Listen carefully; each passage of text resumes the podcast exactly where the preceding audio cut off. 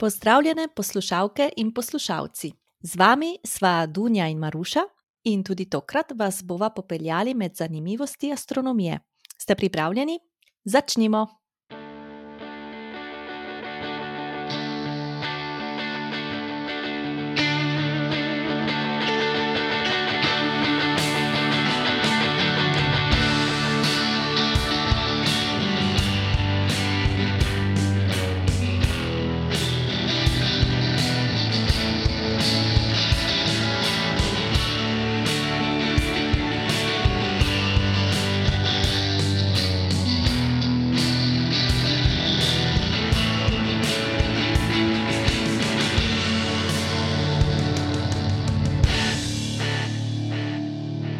Poslušalke in poslušalci, pozdravljeni v novič v najni družbi. Še vedno je odprt marsovski izziv. Predstavljajte si, da ste pristali kot prvi človek na Marsu. Kaj bi ob pristanku skliknili? Na Marsu zvok zveni čisto drugače, saj je atmosfera rdečega planeta po sestavi različna od Zemljine in je tudi redkejša. Moja dva zvesta domača poslušalca sta se odločila za tak vzklik, ki ga slišimo najprej na Zemlji, potem pa na Marsu. Wow. V zapiske so dodali spletno povezavo, s pomočjo katere lahko posnamete 20 sekund katerega koli zvoka in ga preposlušate, kako bi zvenel na Marsu. Povezavo poiščete tudi, če vtipkate v brskalnik NASA Mars Sound. Vaše posnetke nam posredujte na e-mail naslov podcast.temelstranlune afna gmail.com, vse pisano brez presledka. Zanimive in zabavne sklike ali pozdrave z Marsa bomo objavili v naslednjih epizodah.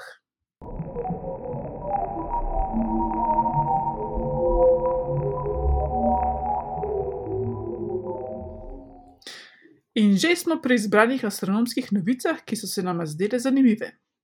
Prva novica se je že v konec aprila letos, ko je na mednarodno vesoljsko postajo z ameriškim plovilom Crew 2 odpotovala posadka štirih astronautov. Astronauti, ki so iz, iz strelišča v Cape Canaverallu odpotovali v petek in so do postaje prispeli v soboto, so v petek zvečer med pripravami na spanje dobili sporočilo o možnosti trčenja z mikrometeoritom. Iz SpaceXa so sporočili, da naj bi v 20 minutah prišlo do mimoleta mikrometeorita. Na srečo ni prišlo do nobenega trka, pa tudi nadaljni izračuni so pokazali, da je mikrometeorit letel precej stran od kapsule Crew. Dogodek pa pomeni dvoje. Prvič, potrdili so, da postopki, ki pomagajo astronautom, da živi in zdravi pridejo do oziroma se vrnejo iz mednarodne vesoljske postaje, delujejo. In drugič, Še vedno so v okolici Zemlje neznane vesoljske smeti, za katere ne poznamo orbit in se jim predhodno ne vtegnemo ogniti. In v splošnem take smeti povzročajo težave vsem satelitom, ki se nahajajo v orbiti okrog Zemlje.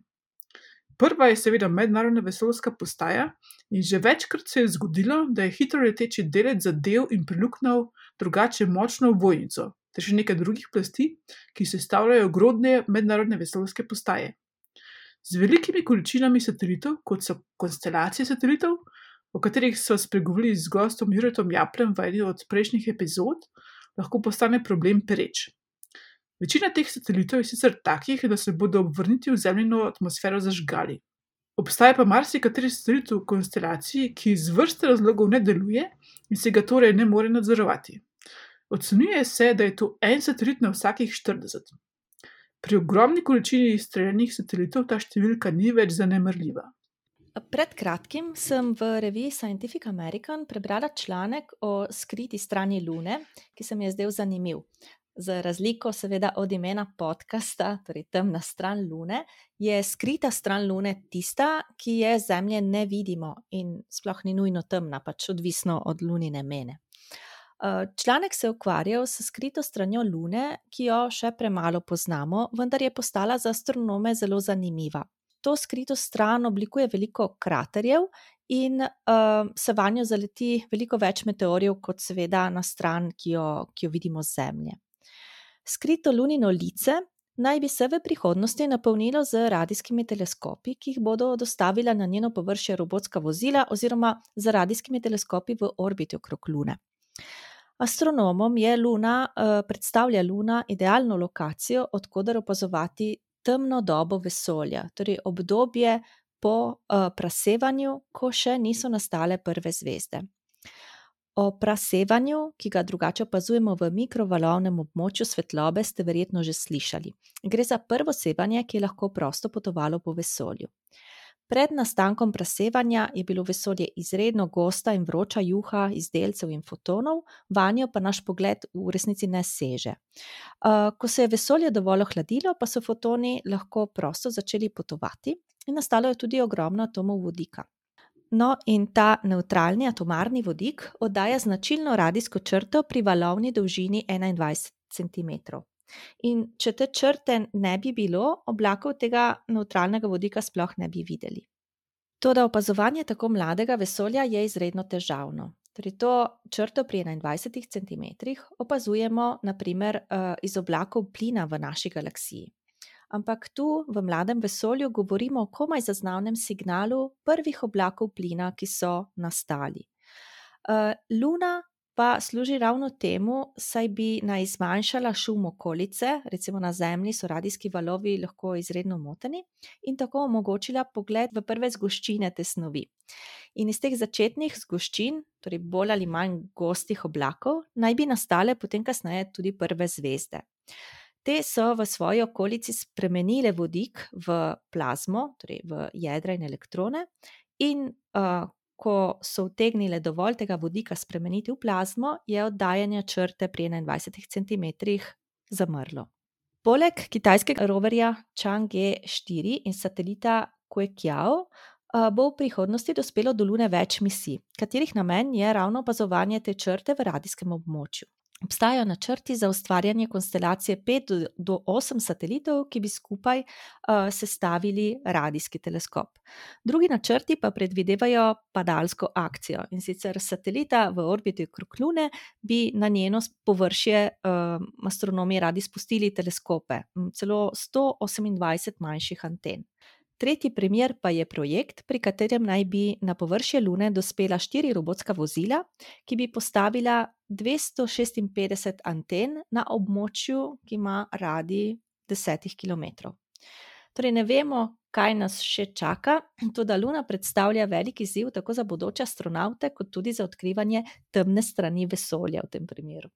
Sedaj pa še napovednik dogodka, ki se letno dogaja 30. junija. Združeni narodi so ta dan namenili osveščanju o nevarnosti padca asteroidov, zato je dan poimenovan tudi Dan asteroidov ali Asteroid Day. Zakaj ravno konec junija? 30. junij je namreč obletnica dogodkov v Tunguski v Sibiriji, ko je leta 1908 v atmosfero priletel meteoroid in eksplodiral nad gozdnim sibirskim nenaseljenim območjem. Program aktivnosti in zanimivosti najdete na spletni povezavi asteroidday.org. Predno greva na temo meseca, pa ne zamudite spremljanja sončeve aktivnosti. Eh, to pomeni, da bomo na soncu bodoče lahko opazovali sončeve pege, blišče, bakle, izbruhe koronalne mase. Sonce se namreč počasi prebuja in na njem so že vidne pege. Če ste bolj ekstremen tip in bi se radi preizkusili v jahanju sončevih bakel, ki je noro nevaren šport, kot trdi Douglas Adams, avtor štoparskega vodnika po galaksiji, pa pokukajte v sosednji podcast, opravičujemo se. Našli boste tudi eno od naju.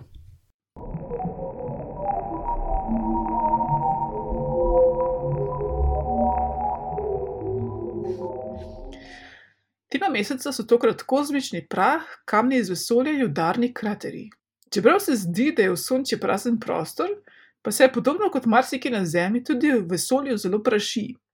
Prah nastaja ob trkih večjih kamnov in skal, predvsem v asteroidnem pasu, poleg tega pa tudi kometi v bližini Sonca za seboj puščajo prašnate sledi. Zemlja tako neprestano prestrega material, na katerega naleti na svoji poti okoli Sonca. Velika večina delcev v zemljini atmosferi zaradi trenja zgori, vendar nekateri vseeno preživijo. Ti se v puščavah, vključno z Antarktiko in na dnu oceanov, nabirajo kot usedline. Nedavno so na podlagi najdenih mikrometeoritov na Antarktiki izračunali, da na Zemljo vsako leto pade več kot 5000 ton kozmičnega prahu, torej okoli 14 ton dnevno. Podrobno o tem piše Jurek Apple na portalu Vesolje, povezavo najdete v zapiskih. Sicer pa prah v ravnini Sončja, ki je ostanek še iz časov, ko so se formirali planeti, lahko na temnih lokacijah opozorimo kar Zemlje.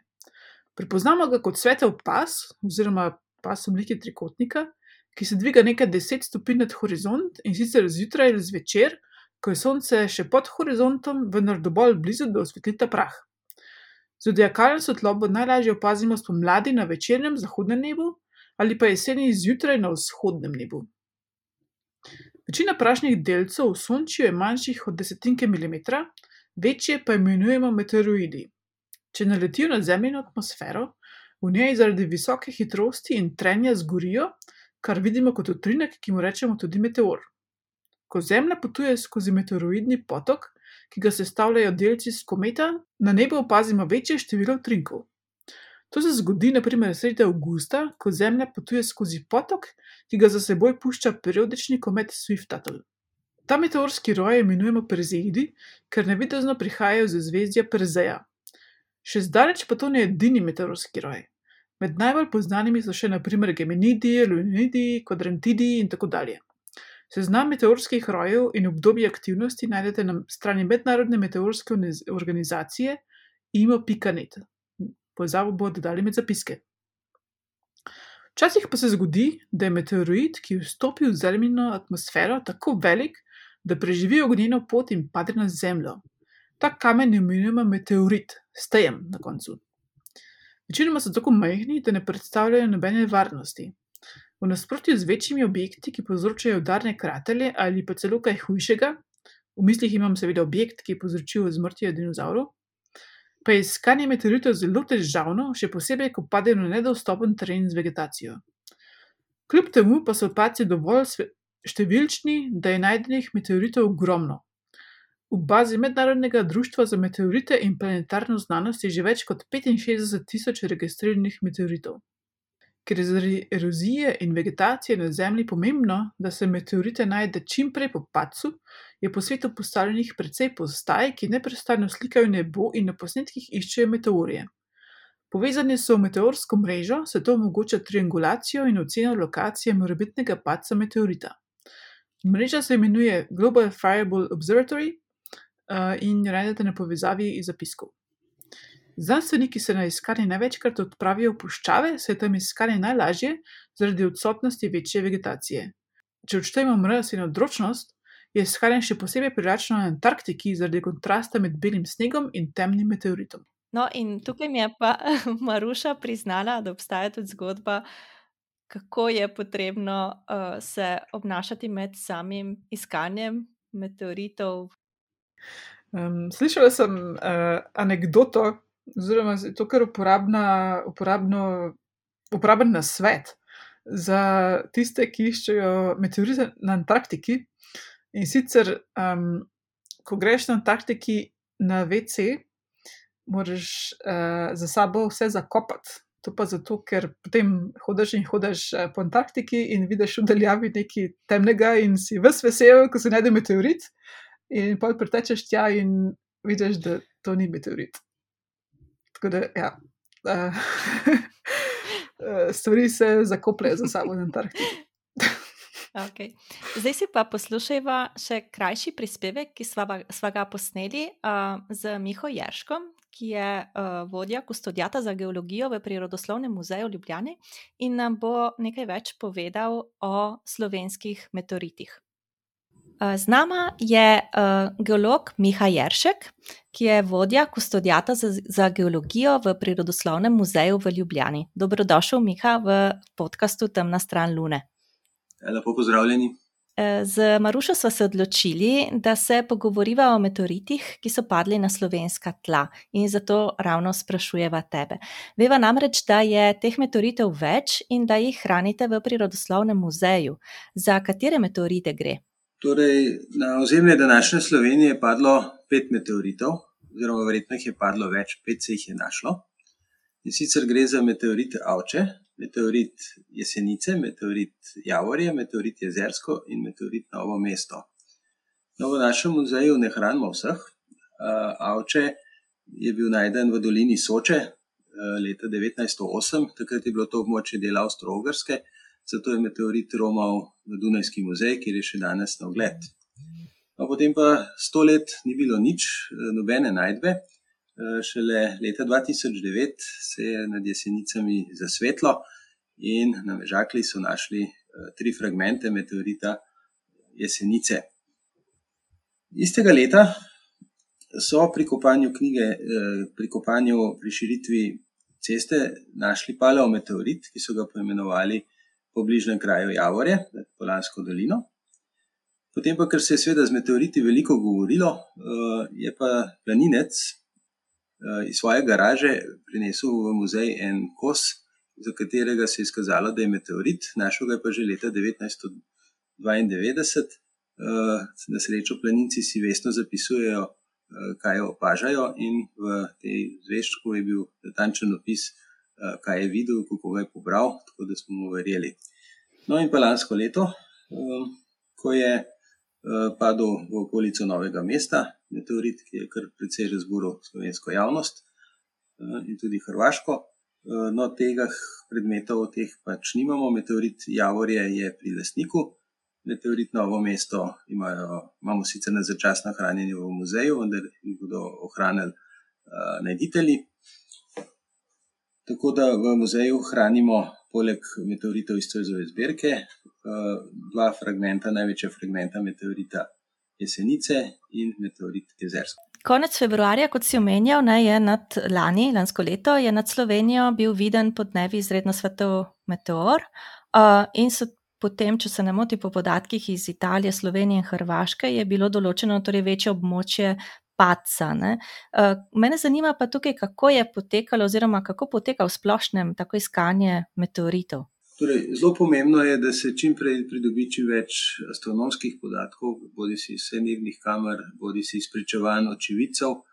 In seveda čimprej je potrebno iti na teren, namreč vsi vemo, da Slovenija je zelo poraščena dežela, kraška dežela, kjer v bistvu z vsakim dežjem, z vsako spremembo letnega časa imamo manj možnosti, da najdemo meteorite. Namreč ti se lahko tudi deloma ali povsem zarijejo, odvisno od velikosti. Dejansko je zelo pomembno, da se čimprej gre na teren in najde, da se čimprej obvesti širšo javnost tistega območja, kjer bi padec meteorita bil pričakovan. Namreč tudi pri meteoritu Novo mesto se je to izkazalo kot najboljša metoda. Namreč nemogoče je, če se vsi strokovnjaki spravimo skupaj, pregledati toliko terena, kot če vsak pogleda okrog svoje domačije, svojega stanovanja. V primeru Novega mesta je bilo ravno tako, veliko akcij, veliko oglaševanja. sploh kolega Bojan Ambrožič se je zelo zavzel.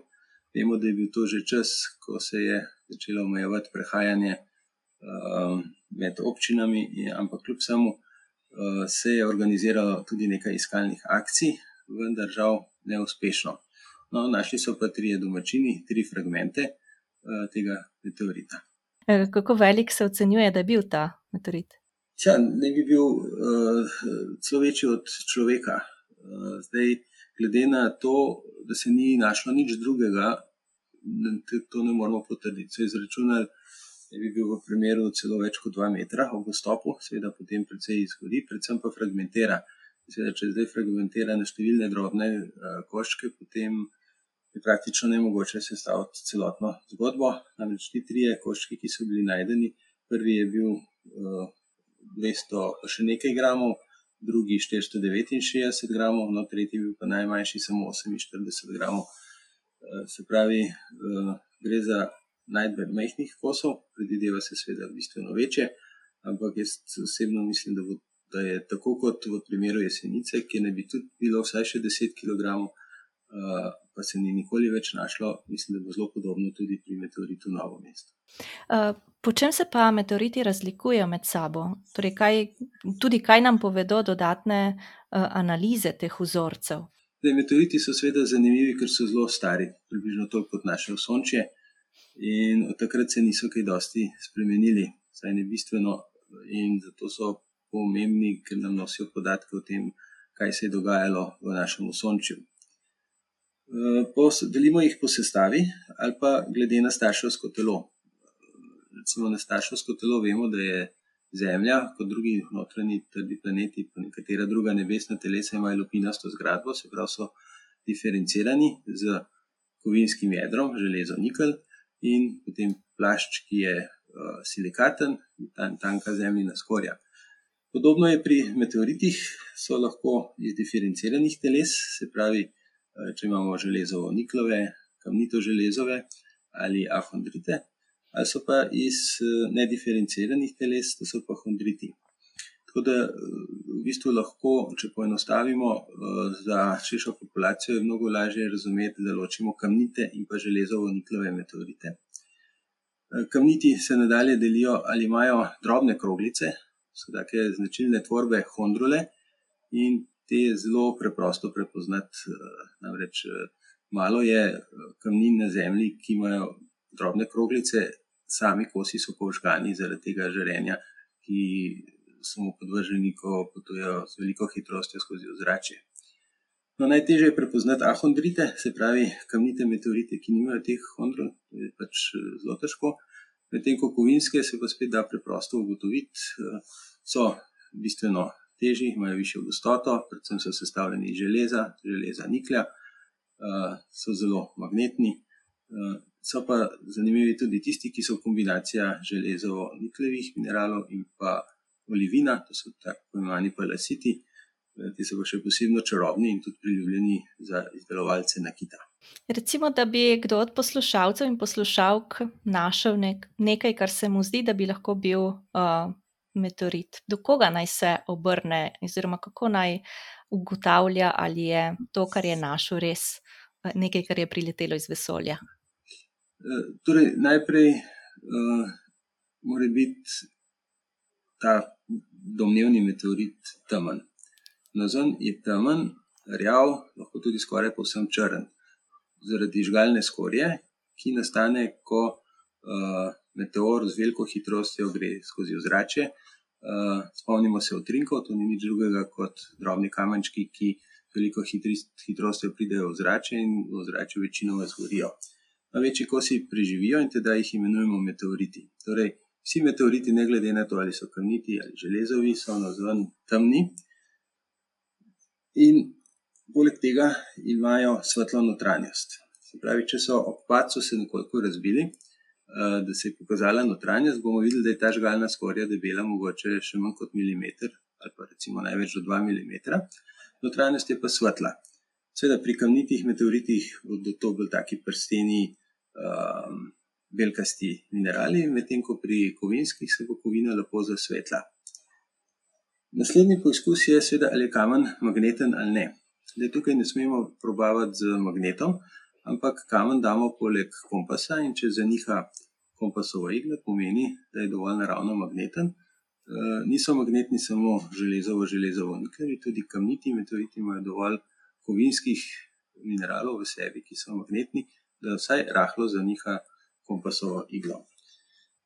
No, in pa še ena lastnost je morfološka, veliko, predvsem kovinskih meteoritov ima obliko, kot da bi v testo za kruh s prstami delali jamice. Take značilne oblike. No, in če imate večino od teh lastnosti, ki sem jih povedal, potem ste na zelo, zelo dobri poti, da ste našli meteorit. Je pa Slovenija zanimiva po tem, da ima veliko železove rude. In številne železove rude so neverjetno podobne, tako morfološko kot po nekaterih lastnostih. Recimo skorjaste železove rude, bobovci, limonitne rude, te so vse temne, no, ampak če bi jih presekali, pa vidimo, da noter niso svetle. Poleg tega niso magnetne, vendar na Pohorju imamo železovo rudo, ki je magnetna. Tako da v bistvu je treba narediti vse te analize in mogoče primerjati tudi s kamninami, ki so v okolici. To je tudi en od podatkov, se pravi, če mi sredi, rekel, belih kamnin najdemo nekaj črnega, je to, že pomeni mogoče, da je to neki tujek, se pravi, da je prišlo od nekod drugod. ja, kdo pa izvaja te, raziskave oziroma analize? Ja, v Sloveniji, so se specializirali, na Inštitutu Jožef Stefan, predvsem, doktor, Ambrožič, in potem na Oddelku za geologijo Naravoslovno-tehniške fakultete ter na Geološkem zavodu Slovenije. No, pa v Sloveniji seveda nimamo vseh laboratorijev, tako da smo se povezali v preteklosti s Fizikalnim inštitutom v Gran Sasu, kjer so merili, kratkožive radionuklide. No, to je bilo v primeru meteorita Jesenice, v primeru meteorita Novo mesto pa pot nam takrat zaradi eh, COVID-a ni uspela, zato smo se povezali z Dunajskim naravoslovnim muzejem, ki so potem organizirali te analize v bližnjem, eh, v bližnjem inštitutu. A je analiza kakorkoli povezana tudi s tem, kar si prej omenjal, torej da je potrebno meteorit najti čim prej? Seveda, sploh zaradi kratkoživih eh, radionuklidov, če bi predolgo čakali, bi seveda ti prišli, jih ne bi mogli več določiti in s tem bi izgubili določene informacije. Predvsem so ti kratko živi radionuklidi pomembni, da se potrdi eh, njihova zemljska starost. Da se pa tudi sklepati na velikost eh, prvotnega meteorita. Mhm. Tako da to so seveda znanstveniki, ki znajo interpretirati, eh, to so zelo znani strokovnjaki. In uh, meni je bilo veliko veselje, ko sem obiskal Gran Sasso, ko sem videl ta podzemni laboratorij, to je res fenomenalno. Kako pa izgleda ta laboratorij? Kot v filmu. Zapelješ se uh, skozi predor, uh, in potem sredi predora je uh, odcep v njihove podzemne laboratorije, veliki bunkerji. Jaz mislim, da so to vem, 100 metrov. Uh, meni so se takrat zdeli še večji bunkerji, mislim, da sta dva. Sveda s tem, oni, zakaj so tam? Zato, da izničijo vplive, uh, ki so na površju Zemlje. In uh, tam smo imeli tudi pač meteoriti senice na, na meritvah, ki so trajale par dni. V umestnem času je bilo seveda čas tudi, da smo spoznali okolico, lepa narava. Da, zanimivo pa je, no, da ta laboratorij lahko obišče vsak, bodi si ob naprejšnji prijavi imajo uh, urnik in se v bistvu najaviš in greš pogledat, kaj delajo. Imajo tudi mislim, več odprtih dnevov, uh, podobno kot pri nas institucijo že Štefan, mislim, da enkrat na leto, potem pa mislim, da imajo teh obiskov mnogo več. Uh, mene zanima še, um, še ena stvar, ki si jo prej omenjal. Torej, uh, rekli smo, da je meteoritov zdaj v Sloveniji pač najdenih pet, ampak kako pogosto pa padejo, oziroma obstaja ocena o tem, koliko meteoritov naj bi padlo v Slovenijo vem, na leto, ali pa vem, koliko meteoritov na splošno pade na Zemljo letno. Vse je povezano z velikostjo. Meteoritni prah praktično pada vse skozi, tega ne bi bilo tudi več deset ton na leto, ampak tega seveda je zelo težko nabrati, čeprav so nekateri ljubitelji, ki vesno nastavljajo razne bele sklede, papirje in obdaživ uh, lovijo delce in uh, najdejo tudi delce meteoritnega prahu. No, me zanima, seveda, takšni večji, opremljivejši. Tukaj je problem, ker vemo, da Zemlja je pretežno pokrita z morjem, z oceani, uh, daleč od vsega, kjer ni tudi kamer, tudi uh, drugače se jih zelo težko uh, vidi, recimo v zraku. Tako da uh, nas dejansko vedno znova bolj kot ne presenetijo. Zato je v bistvu ocena zelo težka. Ampak nekje so zračunali, da bi padli okrog 6100 meteoritov na leto na Zemljo. Se pravi, to je kar 17 na dan. Ampak seveda ja. večina teh nikoli ni odkritih, to je pač eh, predpostavljeno. Se pa, če se spremlja mednarodno bazo meteoritov, vsako leto lahko kar uh, dodajajo številni, tako da uh, vendarle se jih najde dosti. Marsikaj jih iščejo tudi lovci na meteorite, z meteoriti namreč tudi trgujejo. In seveda takšni tereni so ledeniki ali pa puščave, kjer so že makroskopsko seveda zelo hitro ločijo od podlage. In tam jih je mnogo lažje najti, kot pa recimo pri nas, recimo v gostih gozdovih, poraščenih pod podrastjo in tako. Prej si omenjal tudi Zojsovo zbirko. Ne? In baron Žiga Zojs je bil znan zbiratelj in je bil tudi lastnik ene največjih zbirk mineralov v tem delu Evrope. Uh, jedro te njegove zbirke, del katere je bil tudi potem kasneje v letih prodan, je razstavljeno v Prirodoslovnem muzeju Slovenije, če se ne motim. V tej zbirki pa sta tudi dva meteorita. A nam lahko poveš, kam spadata, ja. torej kakšna sta in kakšno zgodovino imata? Torej, Prvi je Štanern, gre za kamniti meteorit Ahondrit, ki je padel na Češko. Je vsega skupaj ne bi padlo okrog 52 kg. našli so ga leta 1808. No, in en kos je uspel tudi Cojs pridobiti. Uh, ima zelo črno žgalno skorjo in pa svetlo notranjost, uh, po drugih znakih ga pa ne bi mogli prepoznati. No, drugi meteorit je pa nadvse zanimiv, uh, je pa palasit, se pravi tisti kovinski, ki ima uh, zrna olivina. Uh, gre za prvi ruski meteorit palasit z imenom Krasnojarsk bi padel leta 1749, skupna masa je bila okrog 700 kg. In velika večina muzejev, ne samo evropskih, tudi svetovnih, ima kos tega meteorita.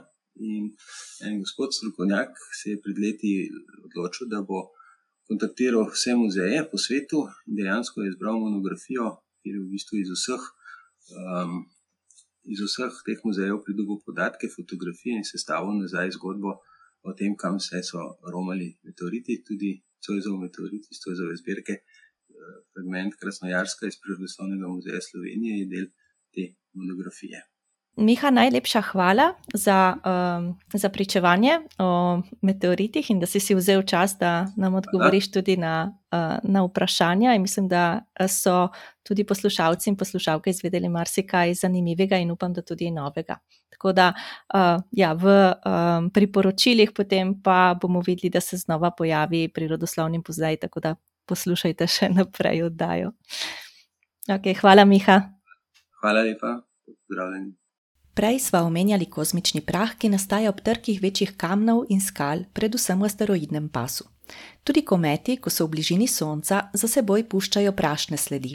Raziskovanje kometov je zato zelo zanimivo in v zadnjih letih tudi izjemno uspešno. Vesoljske sonde so že nekajkrat obiskale komete in se na to z vzorci njihovega prahu vrnile na Zemljo. Prvi tak obisk je leta 2004 izvedlo plovilo Stardust, ki je obiskalo komet Wild 2. Pri tem je letelo skozi kometovo komo, v aerogelu ujelo delce, ki so pobegnili iz kometa, poslikalo njegovo jedro in se na to z vzorci vrnilo na Zemljo. Najbolj odmeven dogodek pa je zagotovo utrjenje plovila Rosetta v orbito okoli kometa 67P Čurjumov Gerasimenko leta 2014 in pristanek robota File na njegovem površju. Skupaj sta poskrbela za kar nekaj presenetljivih odkritij. Najprej se je izkazalo, da komet brenči. Zaznali so namreč zvok pri nizkih frekvencah, potem pa še, da je komet sestavljen iz dveh delov, ki sta se zlepila v oskem vratu. Njegova oblika je tako podobna gumijasti rački. Površje je zelo razgibano, opazili pa so vse od klifov in kanjonov, balvanov, jaškov, iz katerih uhajajo curki plina in prahu, in razpok do območij, trdih kot asfalt in mehkih kot pesek. Astronomi so že dolgo sumili, da so kometi nastali iz prahu in vode, ko je bilo Sonče še zelo mlado. Takrat naj bi tudi dostavili vodo na Zemljo. Analiza tega kometa pa je pokazala, da je na njem tudi cel kup organskih spojin, ki so gradniki življenja. Med drugim so našli aminokislino, ki sestavlja proteine, fosfor, ki je ključni del genskega zapisa in celičnih membran, in pa etanol oziroma alkohol. Um, prisotnost nekaterih drugih molekul, kot so vodikov sulfit, amonijak in vodikov cianid, pa kaže, da komet smrdi po jajcih, mačjem urinu in grenkih mandeljih. Oh.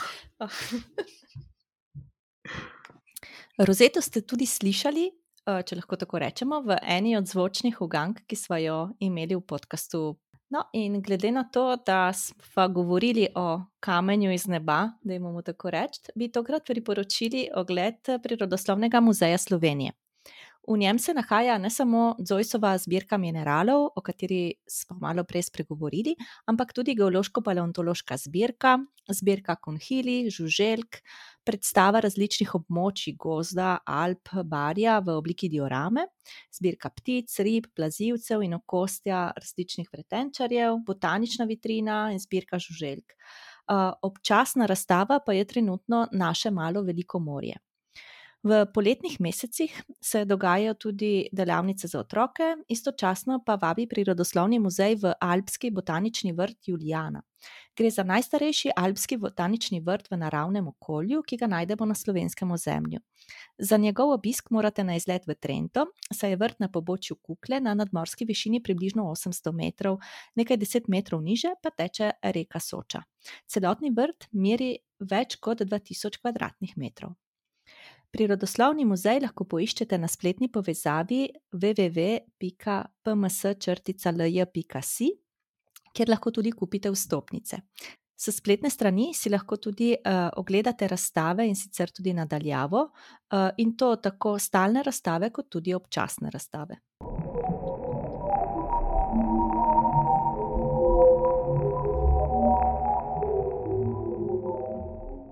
S toplejšimi dnevi in večeri bomo vedno večkrat zunaj, tudi ob urah, ko se bodo na nebu pojavile prve zvezde in planeti. Zato si pogledajmo, kateri prizori nas čakajo v mesecu juniju. Luna in oba plinasta velikana, Jupiter in Saturn, bodo skupaj na istem delčku neba v obdobju od nedelje 27. junija do torka 29. junija. Tem srečanjem pravimo tudi konjunkcija. V četrtek, 10. junija, boste do povdne lahko v primeru, ko bo nebo brez oblakov, spremljali iz Slovenije delni sončev mrk. Mrk bodo iz krajev severno od nas, to je iz severa Kanade, Grenlandije in severa Rusije, opazovali kot obročasti sončev mrk. Slovenija je blizu spodnjega roba poti mrka, kjer bo luna odškrtnila le delček sonca. Iz naših krajev bo zakrite 7% od sončeve površine.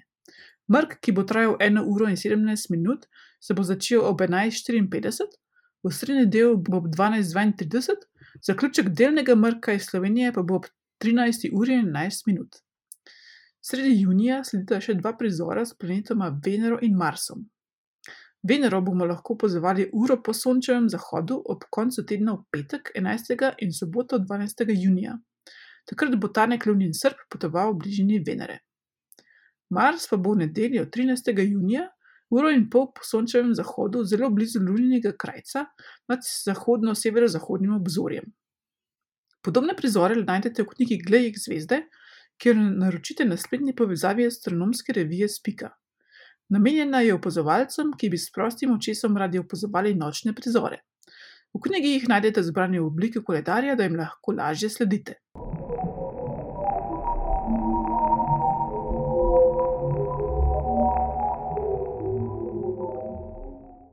No, in že sva pri zadnji zvočni uganki. Uh, in sicer uh, zadnja zvočna uganka se je glasila takole.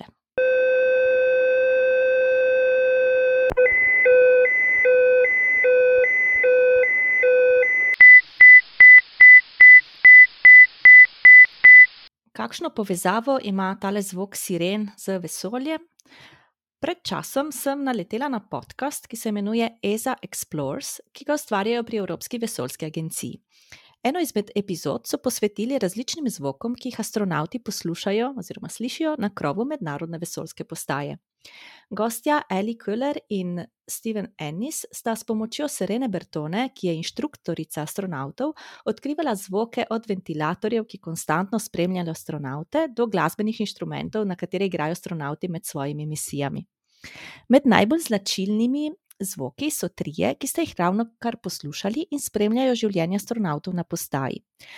Prvi primer je zvok, ki je opozorilo in ga slišijo lahko tako v kontrolnem središču na Zemlji, kot astronauti na mednarodni vesoljski postaji. Ob tem zvoku utripajo luči na postaji, vendar gre ponavadi v tem primeru samo za opozorilo o neki anomaliji. Uh, nujen je sicer poseg, vendar ni kritično, da se astronauti takoj odzovejo. Ponavadi se ta alarm sproži, naprimer v modulu Columbus, ko se kak večji predmet ali zaboj znajde in onemogoča delo črpalke, ki pripomore k kroženju zraka v mednarodni vesoljski postaji. Ostala dva alarma pa predstavljata opozorilo astronautom, ki morajo hitro ukrepati. V primeru, da je zvok. Potem anomalija ne predstavlja nevarnosti za življenje, vendar je nujno hitro ukrepati. Če pa astronauti zaslišijo tale zvok, pa je ukrep nujen in morajo vsi opustiti, kar počnejo, ter se ravnati po predvidenem protokolu, saj gre tu za njihovo preživetje. Če se prav spomnim iz podcasta, do te zadnje situacije na mednarodni vesoljski postaji še ni prišlo. Zvok je tudi različen, saj se alarmi razlikujejo in gredo od nižjega tona, torej za opozorilo, do višjega tona pri alarmu za nujno ukrepanje. Če bi radi poslušali še preostali, torej preostale zvoke na mednarodni vesoljski postaji, torej priporočam epizodo Space Station Sounds iz podcasta ESA Explores. Povezavo na njo bomo dodali v najnih zapiskih. No, in sedaj še nova zvočna uganka, in to je uganka, ki jo boste poslušali in nas bo popeljala v naslednjo epizodo. Če ne bi vedela, zakaj gre, bi si mislila, da je to le navadno šumenje, pa vendarle ni. In o tem se bomo pogovarjali čez mesec dni v naslednji epizodi podcasta Temna stran Lune. Spomniva naj vas še, da se z nami lahko povežete preko družbenih omrežij. Na Twitterju, Facebooku in Instagramu poiščete Temna stran Lune, vse skupaj in z malimi začetnicami. Hvala vsem, ki ste že oddali ocene podkastu, veseli bova tudi vaših mnenj. Posredujete jih lahko preko aplikacije za podkaste, vprašanja in predloge za naslednje epizode pa lahko pošljete tudi anonimno preko Google obrazca, ki ga najdete v opisu podcasta. Epizodo podcasta najdete na spletnem mestu anshor.fm pošiljka temna stran Lune. Zvočno podlago je ustvaril Peli, ki skupaj z Alijem in Zijem ustvarja podcast Upravičujemo se za vse neušečnosti. Pred kratkim so praznovali eno leto druženja in skupinskega branja uspešnic Douglasa Adamsa. Čestitke ustvarjalcem in tako naprej. Temna stran Lune je podcast, kjer vesoljske radovednosti prepleteva z zanimivostmi iz sveta kulture, drugih znanosti ali vsakdanjega življenja. Z vami sva bili Maruša in Dunja in vam želiva prijeten dan in pa obilo jasnih junijskih noči. Slišimo se ponovno 5. julija ob običajnem prvem ponedeljku v mesecu. Adijo. Adijo.